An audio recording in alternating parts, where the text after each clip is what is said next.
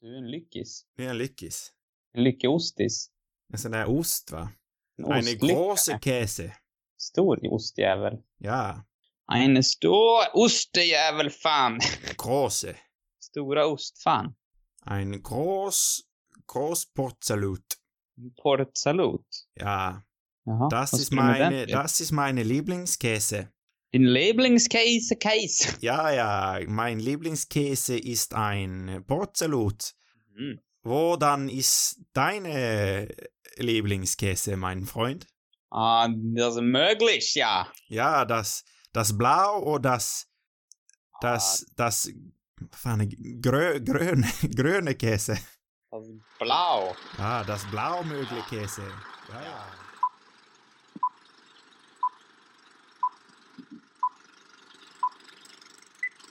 Hej och välkomna till ännu ett avsnitt av Radio Rubus. Det här, det är Filmklubbspodden där vi varje vecka pratar om en ny film från obestämd genre och era. Och jag, jag heter Oskar.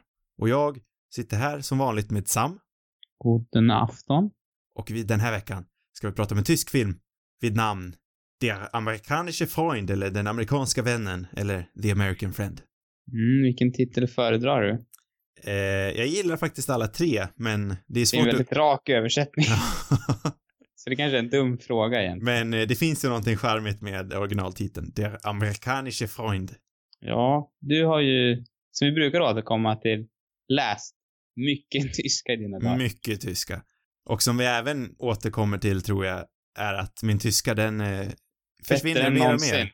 Ja, eller bättre än någonsin. Tolkningsfråga. Ja, jag tror den är bättre än, än vad den var förr. Det må du tycka. Vi, jag vet inte vad Ingela, min gamla tyska lärare, skulle säga. Är, det, är hon någon vi skulle kunna bjuda in kanske som gäst? Ja, men jag, jag tror att hon var en liten filmfantast faktiskt. Vi såg mycket bra tyska filmer. Kanske älskade tyska filmer. Ja. Vi kanske borde bjuda in henne som gäst. Tyska läraren Ingela. Och Wim, Ja. Wim Wenders vecka med Ingela. Ja, ni fick inte se någon Wim Wenders. Ja, jag tror inte det. Jag, om någon, jag vet att vi såg många bra tyska filmer, men den filmen som sitter tydligast, det är att vi såg på den här live action-versionen av Garfield, fast dubbad till tyska. Av någon Ja, var- anledning är det den som sitter fast just nu.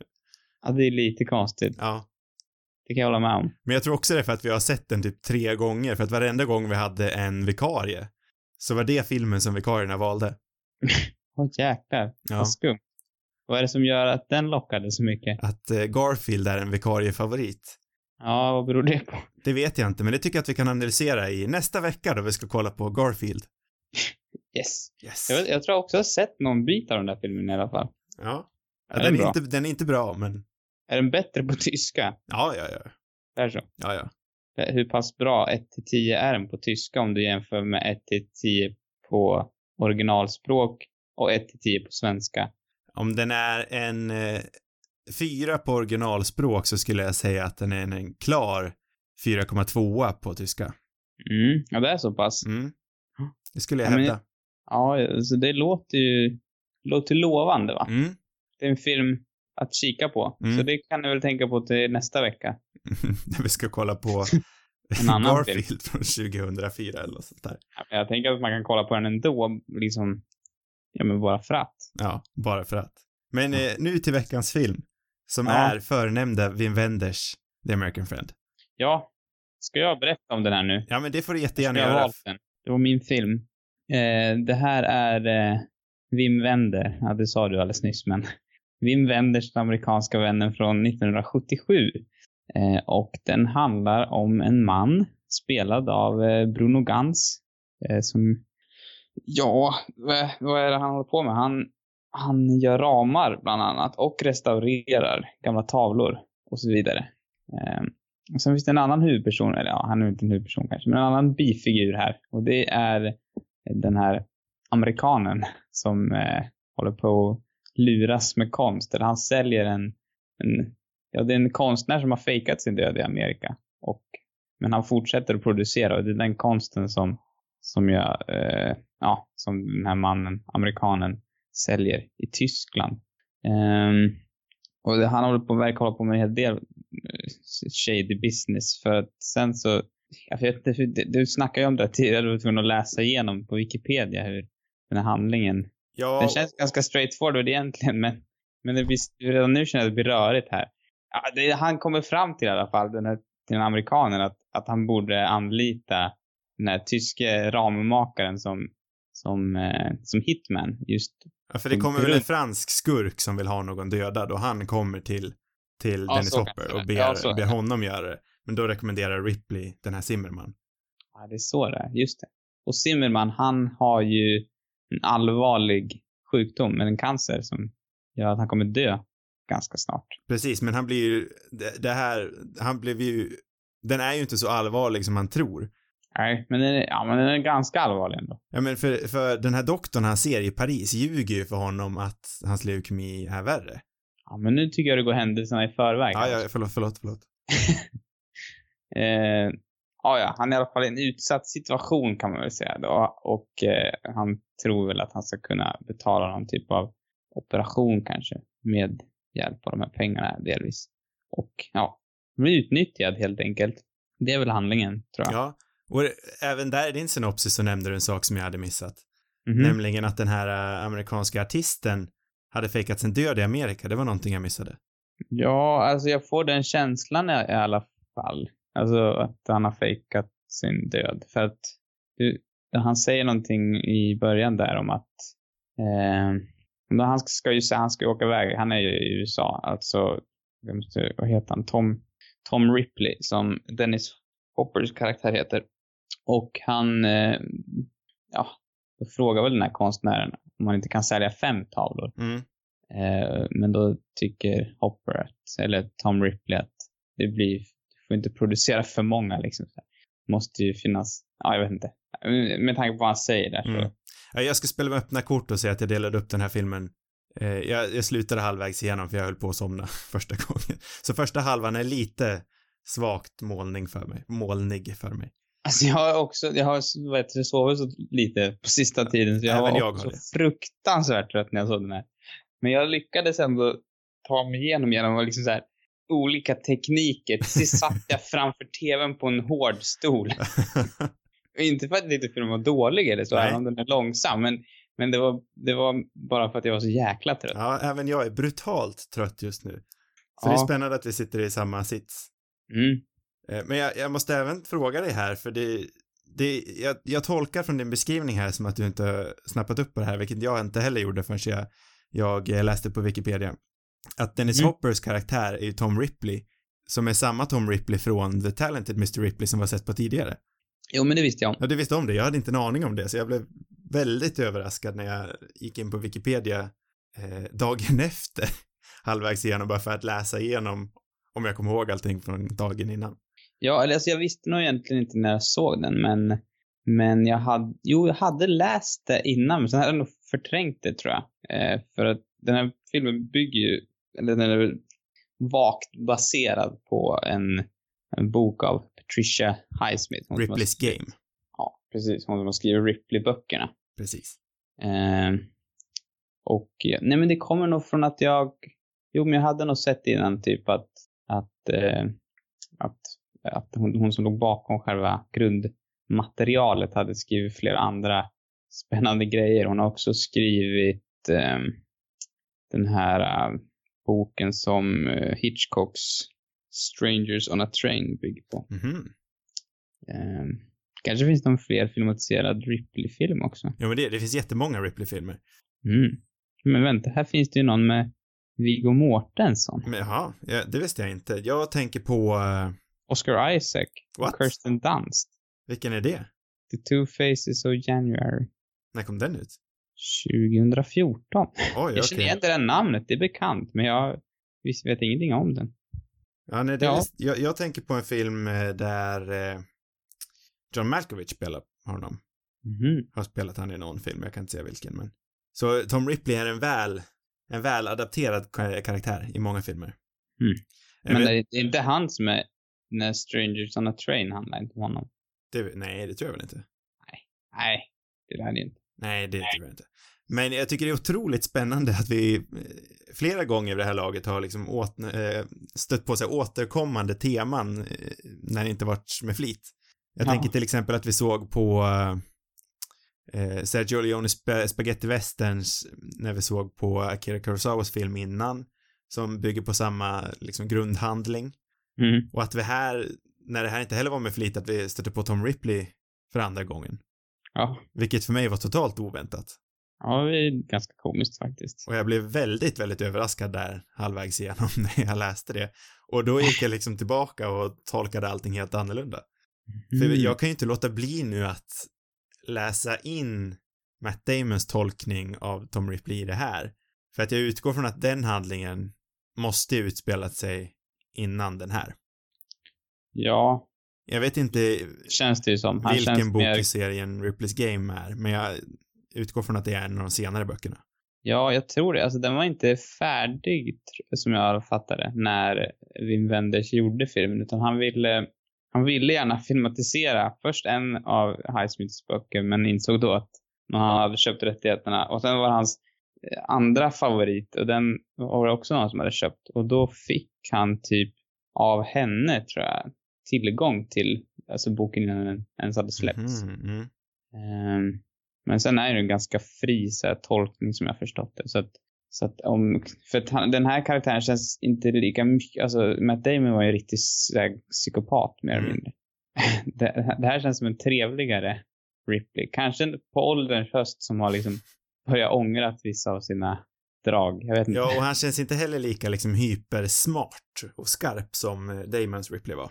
Nej, kanske inte. Men han är ändå, man, han är ju ändå en skarp man. Absolut, absolut. Men jag, jag, jag, så här halvvägs igenom filmen så kunde jag då inte heller låta bli att, för inte minns jag fel när jag tänker att, att eh, Damons Ripley var homosexuell.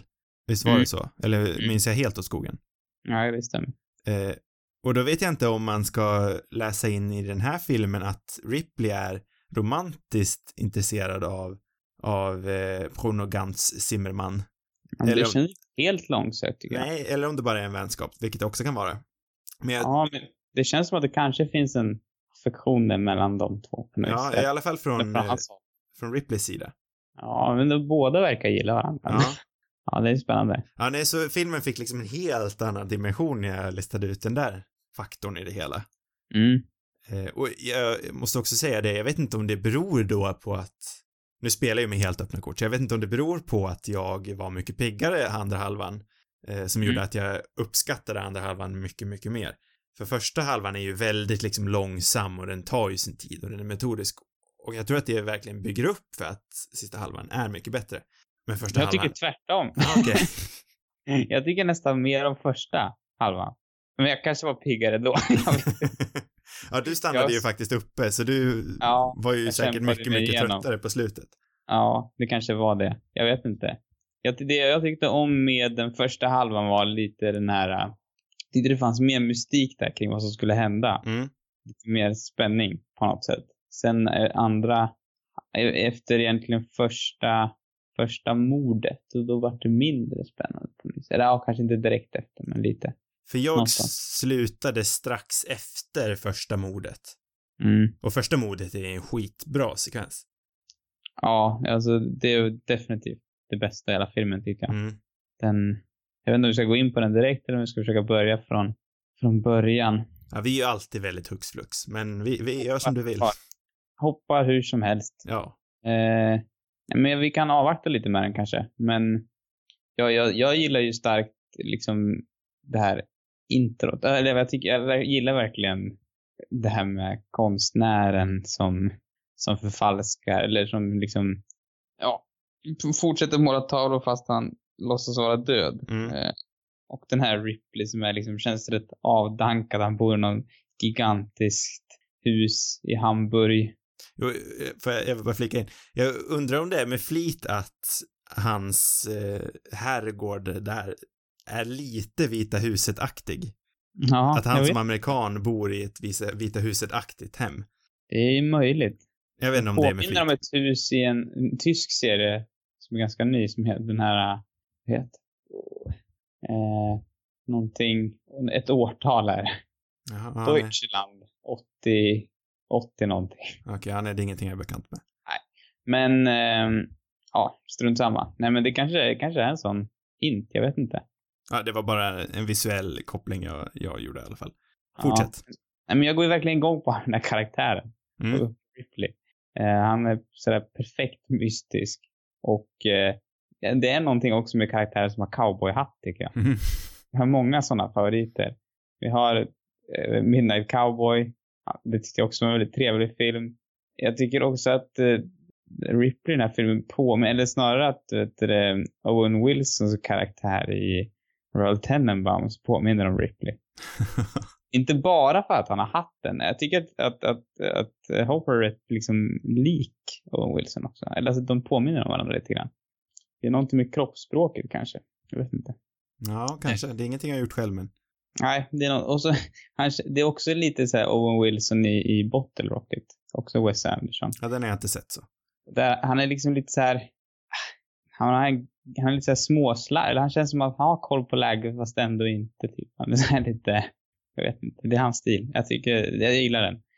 Um, och jag gillar också, jag tycker också Bruno Gans karaktär är väldigt mysig liksom. Och de har på en gång en intressant och spännande, spännande möte. De verkar liksom hitta varandra på en gång. Fast, eller ja, han är ju väldigt otrevlig där första mötet. Men sen liksom, det är fascinerande. Mm, ja, jag älskar alla deras möten när de sitter på, eh, på Bruno Gantz, eh, kon, inte kontor, men hans affär. Mm. Eh, alla Mm. deras små samtal där, jag tycker de är fantastiska. Mm. Nej, men sen är alltså det, det anledningen till att jag ville se en till Wim Wenders film efter Paris, Texas är ju just den här förhäxningen liksom. Alltså att det går sakta och det är lite mystiskt och, och väldigt liksom eh, trollbindande. Eh, det är någonting med hur karaktärerna är, är ganska lågmälda och sen det är alltid otroligt snyggt foto och bra musik och allt det där liksom. Mm. Trollbinder mig verkligen. Mm. Eh, men jag tycker att, att rätt så tidigt kommer ett av de större problemen för mig och det är ju just det här med, med hur, alltså att de lurar eh, Bruno Gans, det här att han, hur sjuk han är. För jag, jag liksom köper inte det där. Nej. Han känns så, eller jag förstår, alltså det känns som att de hade kunnat genomfört lite bättre. Det känns så uppenbart det här med att de ska skicka, att han får åka till Paris och till någon speciell, jag vet inte, han känns naiv som bara litar på den här helt okända mafioson som vill att han ska döda någon. Det Ja, nej, känns ja. väldigt så här uppenbart alltihop. Och sen är det också konstigt att de sprider rykten om att han är jättesjuk. Det låter också, också Ja, det var den delen jag inte riktigt köpte, hur det där ryktet liksom. Men varför sprider de ett rykte? Jag vet inte, nej, det är, jag tycker allt är väldigt skumt. Och, och jag, så jag, det är lite tråkigt att man inte köper, jag kan inte riktigt köpa att han, att han liksom blir lurad in i det här. Nej. Nej, jag, jag håller helt med dig, men någonstans så släppte jag ändå. Jo, där- alltså om man, best, om man bara, alltså efter ett tag så skiter jag också i det och då funkar det ändå. Men, men det störde mig, eh, åtminstone i början, eftersom jag tyckte allt annat var så bra. Ja. Det, ja, det var konstigt. Ja, det nej, stämde jag- liksom inte i den här, för det, alltså filmen är väldigt liksom välgjord och, och sådär. Då tyckte jag det var konstigt att de inte fick till det. Men kanske, det kanske finns någon smart tanke med det, jag vet inte. Ja, det är möjligt. Jag har inte plockat upp på den i alla fall. Ehm, Men jag är helt med dig. mm, Men jag, jag håller också med dig om, eh, om eh, Tom Ripleys, eh, spelad av Dennis Hopper, att det är ju helt, att kalla Dennis Hopper för underskattad känns ju i sig lite som en överdrift. Men ändå så vill jag säga att den är det, för jag vet inte. Dennis Hopper känns som en så här otroligt bortglömd skådespelare ibland. ja, verkligen. Ja, alltså, jag vet knappt vad jag har sett med honom för någonting. Alltså han är ju fullkomligt fantastisk och han är ju liksom en stor, eh, liksom stor, han har spelat en gigantisk roll egentligen i hur film, eh, jag menar hela, hela filmindustrin liksom utvecklades när han och, eh, när han och Peter Fonda gjorde Easy Rider. Mm, De ändrade ju liksom hela spelet. mm. Och han är ju liksom ändå erkänd som en viktig figur, men jag vet inte, det är någonting med honom som känns bortglömd. Som gör att han känns bortglömd. Ja, alltså ja, ja, verkligen. Jag vet inte heller vad det är som, som gör det. Jag har inte sett Easy Rider heller. Men alltså, bortsett från den så känns det inte, jag vet inte vad det, vad har han gjort för filmer då? Det kanske är att han inte har gjort så mycket, liksom, Ja, men han har gjort en alltså han har gjort en hel del riktigt bra grejer. Jag tänker, alltså det han är mest känd för liksom i, inom popkulturen är väl hans roll som skurk i Speed med Keanu Reeves. Mm. Eh, men sen var han ju också med i, eh, i Apocalypse Now, han har ju varit med i den här filmen som, eh, som eh, Tony Scott regisserade eh, på Tarantinos manus. Ja, ah, just det. True Romance. True Romance, ja. Där har han ju en fantastisk roll. En väldigt Mm. liten roll, men han är ju otroligt bra i den. Det är också en film jag inte sett, så jag kanske har lyckats missa alla hans... Ja, nej, jag, jag tycker verkligen att Dennis Hopper är underbar.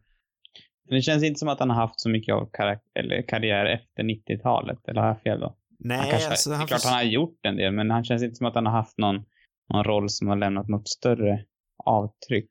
Nej, och jag tror väl tyvärr att det är lite samma sak. Han är ju död nu, men det är väl lite samma sak som hans kompis Peter Fonda. Han har ju inte heller någon, liksom gjort någon stor grej efter. Han har alltid gjort skit, haft en väldigt bra roll, sen gjort skit igen, sen haft en väldigt bra roll. Eh, Jag tänker Peter Fonda vart väl, jag sitter och läser på hans Wikipedia här nu, han blev till exempel nominerad för en Screen Actors Guild Award eh, 2007 för hans roll i 310 to Yuma. Sen så har han gjort Mm. massa skit efter det. Eh, sen eh, 97 vart han också nominerad för massa grejer, massa skit. Så han har också liksom gått upp och ner och jag tror det var exakt samma sak med Dennis Hopper. Mm. Att det kanske bara var dåliga liksom filmval Ja. Som någonstans kanske förstörde hans anseende i liksom populärkulturen. Jag vet inte riktigt. Nej, nej men han känns, känns ju i alla fall verkligen bortglömd. Mm. Tyvärr, för jag kommer ihåg när Dennis Hopper dog.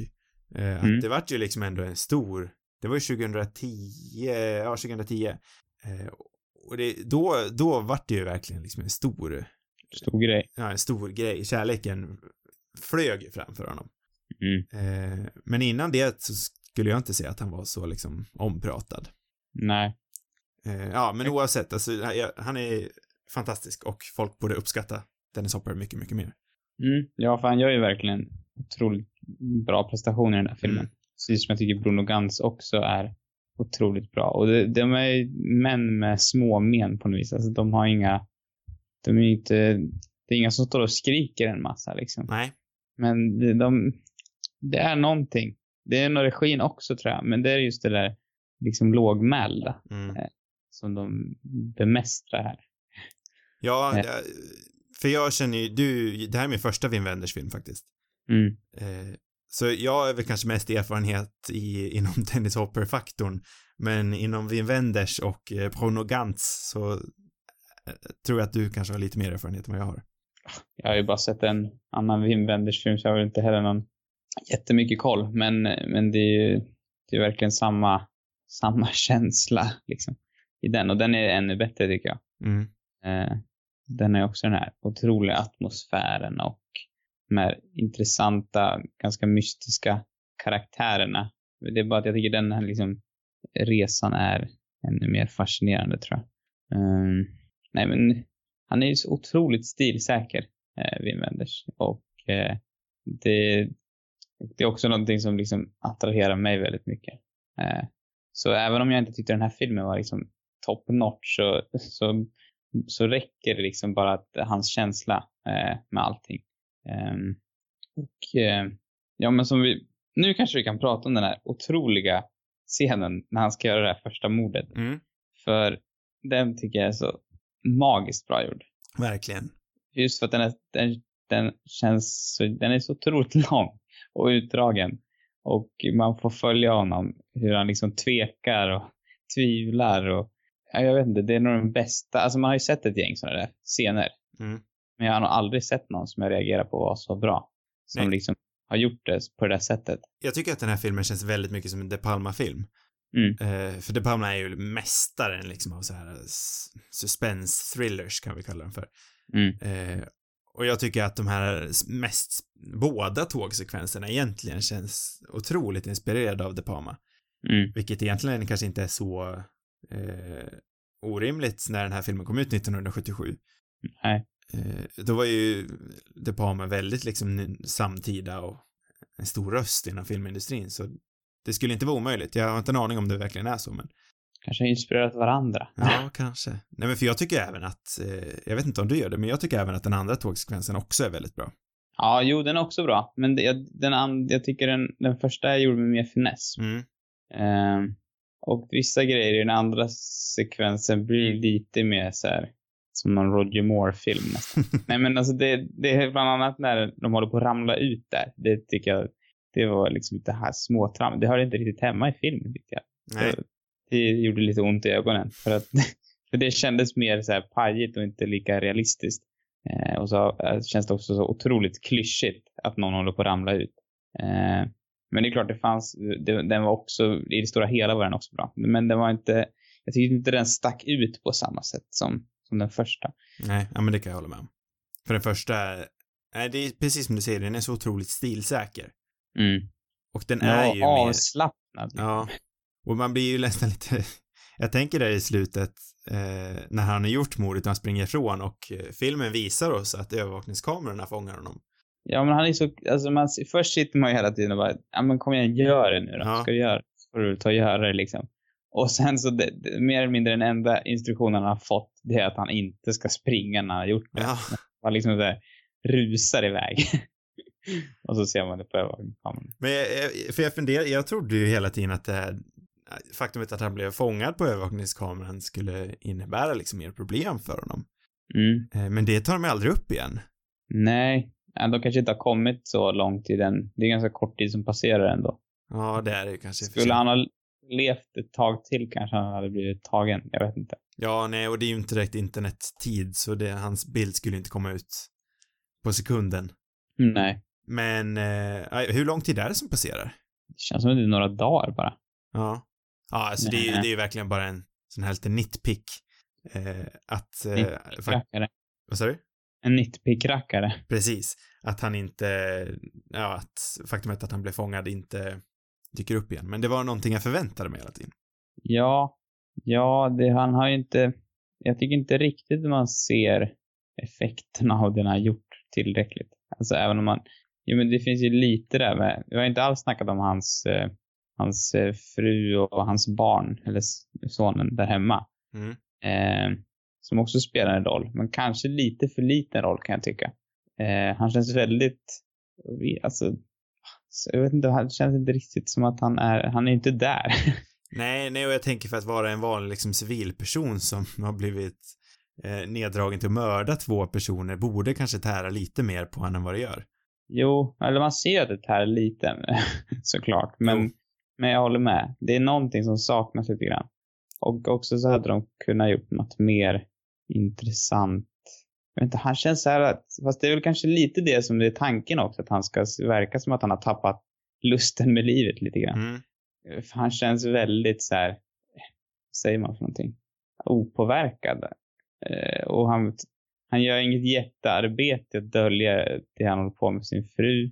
Nej. Eller han försöker väl, men det är så här lite halvbra. Och, jag vet inte, alltså han är väldigt så här apatisk.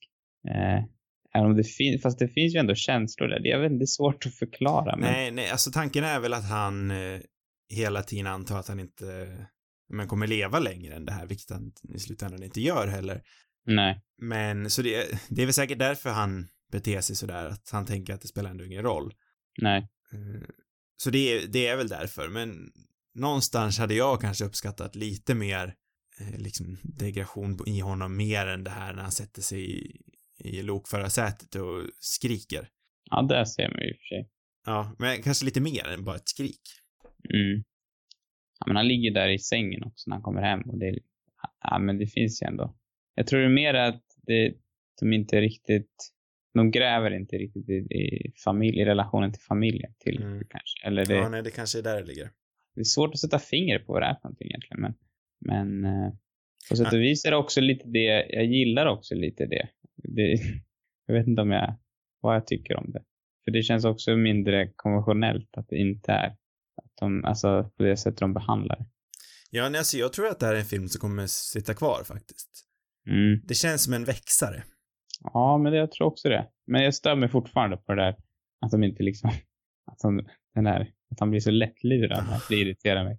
Ja, det, Men det kanske är att han är det. desperat och rädd för att, att han är så sjuk. Jag vet nej, jag köper inte det. Nej, nej, jag gör inte heller det, men jag hade, jag har faktiskt släppt det helt och hållet. Mm. Nej, men för jag, jag lämnade filmen Eh, jag, tyckte jag, jag uppskattade filmen för liksom den tekniska skickligheten, men jag känner mig inte så liksom berörd av den. Men den, eh, den har verkligen suttit kvar och den växer mer och mer och jag känner ändå att jag, den har växt otroligt. Mm. Men det som irriterar mig tror jag är att jag känner att det finns en så otroligt bra film i den här. Mm. Eh, men att den inte når hela vägen fram riktigt. Nej. För, eh, det är väl det som stör mig. Jag hade, han har, han har så bra, alltså allt, det är så mycket som är så bra och så intressant också. Mm. Eh, och att göra den här typen av thriller på det här sättet tycker jag verkligen om.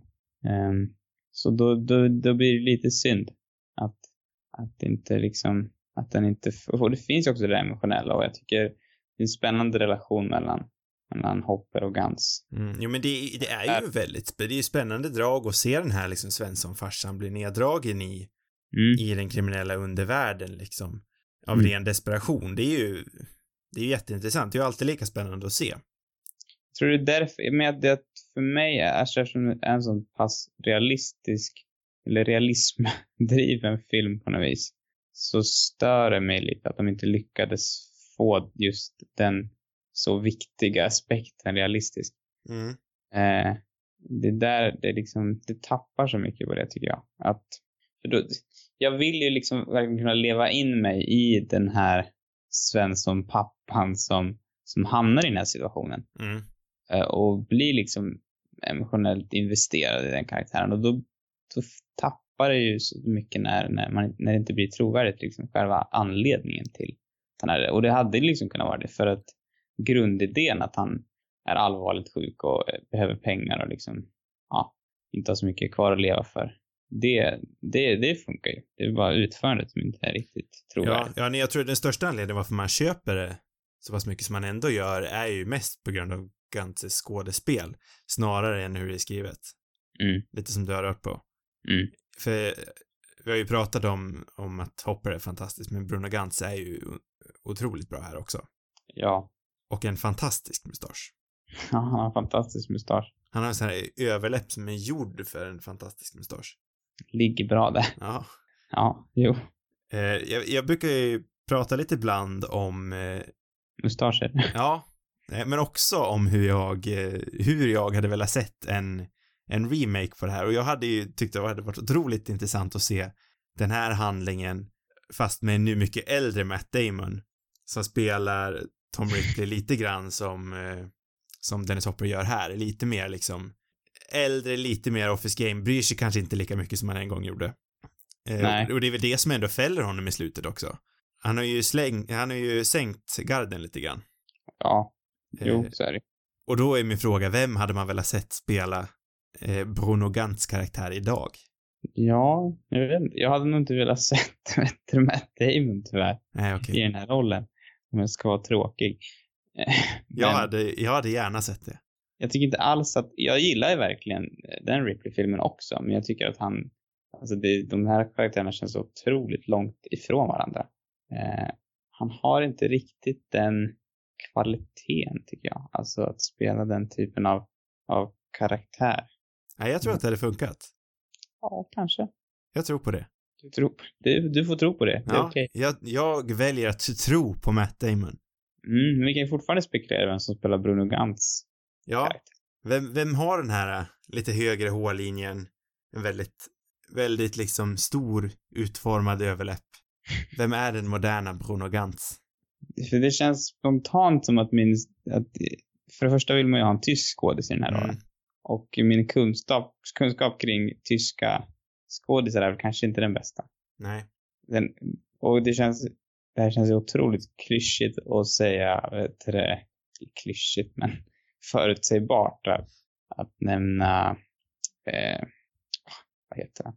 Mm, nej, nu, nu står det still, vänta. Eh, Daniel Brühl. Ja, precis. Han tänkte säkert du också på. Han tänkte jag också på. Det är ju den enda tyska skådespelaren man kommer att tänka på. Ja, jag kan ju några till liksom. Men Han är ju den första. ja, och men det är ju också delvis för att jag, alltså jag tror ju faktiskt att han skulle kunna göra honom rätt bra också. Ja, han är ju skicklig. Och eh, han kan definitivt spela den här ganska, jag menar, använda, alltså han kan skådespela på det där väldigt liksom subtila sättet. Mm. Och han har något, han har en trovärdighet. Så att han skulle ju vara, men det känns också trist att liksom komma med honom. För det känns verkligen, det är lite som den enda man kan. Har du någon mer edgy? Nej, edgy? inte alls, för Bruno Gantz var, eller eh, eh, Brol var ju den jag tänkte på också. Och det är som du säger, det är, det är otroligt förutsägbart, men Men det, det kan ju faktiskt vara ett bra val också. jag tror ändå det. Den här filmen påminner väl, mig väldigt mycket om en film som, eh, jag vet inte om du har sett den, men den kom ut 2014, A Most Wanted Man, Mm, nej, den har jag inte sett. eh, med Philip Seymour Hoffman i, i huvudroll. Där är ju Daniel Brol också med. Mm, just det. Eh, den här filmen påminner mig väldigt mycket om den. Mm. Eh, Den känns också lite, det är väl kanske, ja den utspelar sig också i Hamburg, det är väl kanske därför. Jaså? Den utspelar sig också i Hamburg, den har en blandning av tyska och amerikanska skådespelare. Pratar de tyska i den också? Ja, det har jag för mig att de gör. Men den är, den är också lite den här, jag älskar den här lite mer lågmälda filmen som, men som verkligen tar sin tid, bygger upp spänningen.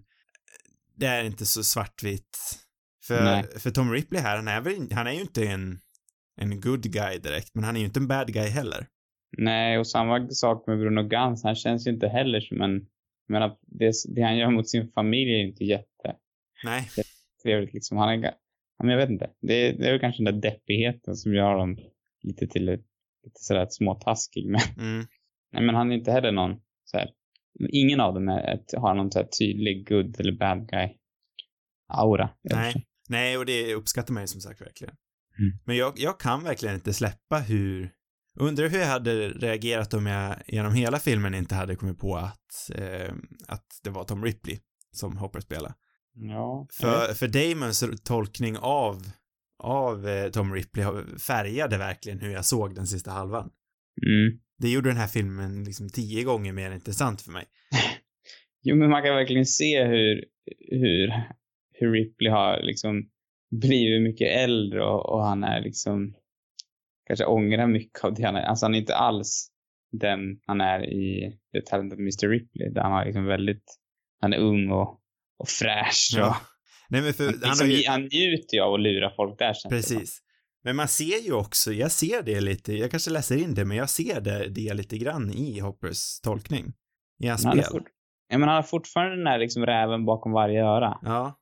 Känslan. Ja. Men han är mycket, han är liksom ändå lite trött på livet. ja, men exakt. Jag hade jättegärna, jag vet inte vad du pratar om, jag hade jättegärna velat sett Matt Damon spela det här. Ja. Ja. Jag tycker du är dum mot Matt Damon just nu. Owen Wilson då annars? Ja. Owen Wilson. Jag tycker vi borde kanske prata lite om slutet också innan vi Mm. säger slut. Vilket magiskt foto. Ja, Bilen som smäller. det är det verkligen. Eh, Men, men också lite om hela den här sekvensen i, ja men hela slutsekvensen egentligen, från, eh, från eh, Ripleys herrgård ut till, till ambulansen där, ner för trappan, in i bilen, ut till stranden. Mm. Vad är det som dödar Bruno Gantz i slutet? Hur tolkar du det? Ja, han är sjuk, tänker Det jag. är, det är hans sjukdom, för så tolkar jag det också, men jag vet inte om jag missade någonting. Nej, men det tror jag faktiskt. Eh, Alltså, det hans, vad man säga, riktiga läkare säger är väl att han, han är ju ändå dödssjuk. Eller vad ska jag säga, men han vet inte när. Och han säger väl till och med i en scen att du kan dö nu eller då. Alltså, förstår du? Gör han det? Ja, det är väl från första halvan där jag som sagt är lite suddig. Ja, som jag minns det i alla fall. Så att, så att han har ju inte heller nå alltså, Ja, för jag, Han- jag tolkade det nästan som att han, när hans fru kommer sen och säger att eh, de i Paris lurade dig, då tolkar jag det som att hans sjukdom kanske inte var så allvarlig alls.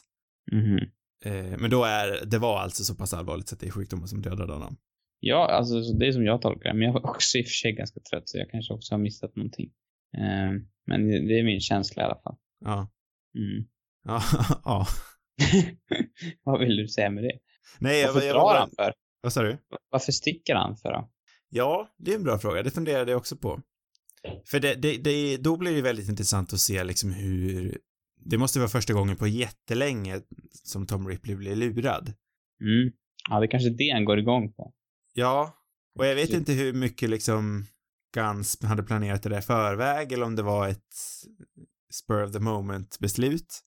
Mm. Hur tolkar du det? Nej, jag vet inte. Han kanske känner att det att på något sätt också att det är dags att lämna det där bakom sig och Mm. att han borde börja tänka lite mer på sin fru. Och inte bara liksom, jag vet inte. Lite så tänker jag. Mm. Och att, att han tycker att det är lite kul också. Fast det är ju taskigt om, man, om Ripley åker dit på det. Det får man aldrig veta men. Ja, alltså jag har väl på sätt och vis Försvårar svårt. hans möjligheter. Jag tänker ju att de är ute på en öde strand. Vad är oddsen på att Ripley skulle bli tagen för det där? Nej, jag vet inte. Det är väl kanske därför han lämnar honom. Mm. För jag tror Han verkar ju sitta kvar där också. Ja, Kanske vill bli tagen. ja, kanske. Det är kanske det som är Ripleys slut. Det känns som, alltså, det känns ju verkligen trött på livet ändå. Som att han vill göra någonting rätt till slut. Det är vad jag tänker med Ripley. Det känns också som att det här liksom, taveljobbet, det, det är inte alls den här typen av bedrägeri som han liksom gör med glädje när han är yngre, utan det, det är någonting som han har, känns som att han har hållit på med ett tag och han är liksom, han känns inte som att han brinner direkt för att, för att lura av folk på tavlor, utan det är bara någonting han gör. Ja, nej, han har fastnat lite i sin version av Svenssonlivet. ja, det, det är liksom så nära Tom Ripley kan komma Svenssonlivet som möjligt. Ja, och han bor i det här trista huset. Ja, Stort och tomt. det är kanske där man skulle kunna dra någon spännande koppling mellan de två. Ja, Det finns ju en väldigt spännande koppling med båda. Det, alltså det känns som att det handlar väldigt mycket om, om, eh, om livet på något vis, livslusten. Mm. Ja, hur de båda två har fastnat. Ja. Eh, och den ensamme mannen. Det, det är också ett återkommande tema i, i Wenders filmer. Vad Ja, jag har läst mig till. ja nej, det, det kommer kanske från han själv. Mm. Det är inte här, som jag tänkte vi borde kanske nämna lite grann, det är ju just eh, vad det här med vilken, vad ska man säga, tidsera den här filmen tillhör. Eh, Wim Wenders som regissör som hör till, till eh, den här tyska, jag vet inte vad det kallas, tysk ny film eller något sånt där. Som kom där på typ 70, kanske Mm. kom på 60-talet redan. Lite av franska nedvågens eh, Säger man inte som tyska efter- nedvågen, eller? Gör man inte det? jag vet inte om den kallas det. Jag tyckte den benämndes som något annat på Wikipedia. Det kanske kallas tyska nedvågen. Eller något sånt. Eh, jag vet inte hur mycket du kan om det. Ingenting du ju alls, kastat om jag ska vara historia. Nej, det var nästa kurs. Ja, men det, jag tycker i alla fall det, det, är ju- det är en tid jag skulle vilja utforska lite mer. Mm. Eh, det är de här tyska gubbarna som, som föddes på 60-talet, tror jag. Eller något sånt. Tidigare kanske det till och med. Måste ju vara nästan tidigare. Ja, det måste det vara. De, de växte upp på 60-talet kanske. Födda på 40-talet. 45 är Wim Wenders född, direkt efter kriget. De är som i alla fall uppväxta i efterkrigets Tyskland och eh, som på något sätt hade en, de ville göra någonting mer allvarligt tror jag och, och något, jag vet inte, något nytt helt enkelt. Eh, för men jag menar det tyska filmarvet från, det kanske du är bra på, det som hände innan andra världskriget. Mm, Då var de ju gigantiska. verkligen. Eh, och sen så kom Hitler och förstörde allt för dem. Precis, och då vart det ju enbart liksom eh, propagandafilm. Precis. Vilket Så det också här är en väldigt intressant liksom, kategori och hur det sen utvecklats i, jag kollar här nu, tyska nya, nya tyska vågen heter den. Mm. Eh, Junger Deutscher film. Ja. Ja. Nej men, eh, ja men precis. Men det, det här blir på något sätt kanske en omstart eller inte, att de på något sätt återtar eller att de blir inte, tyskarna blir intressanta i världen Mm. igen. På något sätt med sin film. Ja, nej, jag, jag gillar verkligen tysk film och jag har länge tänkt att vi ska prata om mer. Ja, jag har film. inte sett speciellt mycket. Eh, Man har ju sett lite Werner Herzog och, och det känns som att det är allt. Typ. Det Wenders och Herzog. Mm. Det finns ju, till exempel Fassbinder har jag inte sett någonting alls över. Det, Nej, han, han är väldigt gör. intressant. han har ju också till det här gänget. Mm. Liksom. Jag tycker det är ett fascinerande gäng och det är kanske ett lite, om franska nya vågen känns svårt tillgänglig så kanske tyskarna är, även om de också har, ja, kan delvis vara lite svåra också, så känns de mer, eh, mer fokuserade på realism kanske. Och Mm. Jag tror den är mer lättillgänglig. Ja, men precis. Lättare att förstå sig på och kanske känna igen sig eller Jag försöker mer. tänka om eh, han som gjorde Das Boot, nu står det still vad han heter. Eh, ja. Om han även ingår i den här vågen, det känns väl inte helt orimligt att han skulle göra det. Wolfgang. Wolfgang Petersen. Eh, ja, säkert. Jag vet jag faktiskt inte. Eh, ja, intressant. För jag, han, det är också en regissör jag verkligen gillar. Jag tycker vi ska prata, vi, Mm. vi borde prata mer tysk film. Mer tysk film. Ja, jag vilja ha fler, alltså jag har fler Wenders-filmer på G. Mm. Jag tror han är den som jag har, har gillat mest av det lilla jag sett. Ja, nej, sen borde vi se på någon Fassbinder-film någon gång också. Mm, det är kanske är nästa på tur. Ja. Men nästa vecka, Nästa vecka är det om du, annat. om du är redo för det, Mm, då ja, ska vi inte prata tyskt. Nej. Långt ifrån. Men vi håller oss kvar på 70-talet, tror jag. Mm. Det gör Spännande. vi. För då ska vi, kolla, då ska vi kolla på något riktigt poppigt. Nu är det ju så här lite sommartider och då såklart ska man ju kolla på sommarfilm. Mm. Men det ska inte bli allt för säkert för jag, nu ska jag skrämma er från, från, strandet, från stranden och vattnet. För vi ska se på Steven Spielbergs Hajen från 1975. Yes. Bra där. Äntligen ska jag få dig att kolla på Hajen. Den är en av filmerna på Sams skämsellista. Ja. Hajen. Jag tycker det är lite kul att beta igenom vad det där liksom skämslista. Vad min skämslista är. Ja, det är det jag tycker det är kul att beta igenom din skämslista och min skämslista. Ja, har du någon uppenbar på din skämslista? Jag hade ju den även på din skämslista vet jag, men jag hade ju Schindler's list väldigt länge, men den betade jag ju av. Men Den har jag också betat. Ja, du har gjort det nu? Ja, Ja, Oh, ja. Oh, såklart. magnifik film. Verkligen. Jättebra Jag film. är definitivt säker på att det är den bästa Spielberg-filmen. Och jag är ganska övertygad om att Hajen kommer tvåa. Ja. Jag har inte sett den än. Jag. Jag eh, skulle nog inte se emot dig. Schindler's list. Jag är ju inget jättefan av, eh, av Spielberg, så även om jag Jo, men alltså delvis är det såklart. Jag tycker inte han är dålig, men, men det finns ju vissa grejer jag vill kräkas på. Mm. Men Schindler's list, det var ju, det känns inte som att han någonsin kommer göra någonting på den nivån. Nej, jag tror inte heller, men eh, alltså det, det märks ju verkligen att han brann för den filmen. Mm, Och det tror jag väl att han öppet erkänner själv också, att han har aldrig brunnit och kommer säkert aldrig brinna för en film lika mycket som han gjorde för den. Nej, och det, han kände väl hur pass viktigt det var också med den. Ja, Han hade en enorm press, tror jag, på sig själv. precis. Men det som är extra imponerande är ju att han gjorde den samtidigt som, eller direkt före eller direkt efter som han gjorde Jurassic Park. Mm. Att han gick rakt in, han gick rakt från den ena till den andra. Ja, det är fascinerande. Eh, nu, just nu kommer jag inte på någon skämskuddefilm, men jag har absolut en lång lista. Du har en superlång lista. Men nästa vecka då ska vi alltså kolla på Hajen, eller Jaws, som den kanske är mest välkänd som. Mm. Eh, så passa på att kolla på den till dess. Fler avsnitt, det hittar ni på cinemarubus.com. Sociala medier, det har vi. Där heter vi Cinemarubus på Instagram och Twitter. Har ni frågor och vill ha svar eller har ni kanske ett förslag, då kan ni skicka in det till cinemarubus@gmail.com. Godnatt allihopa. Godnatt.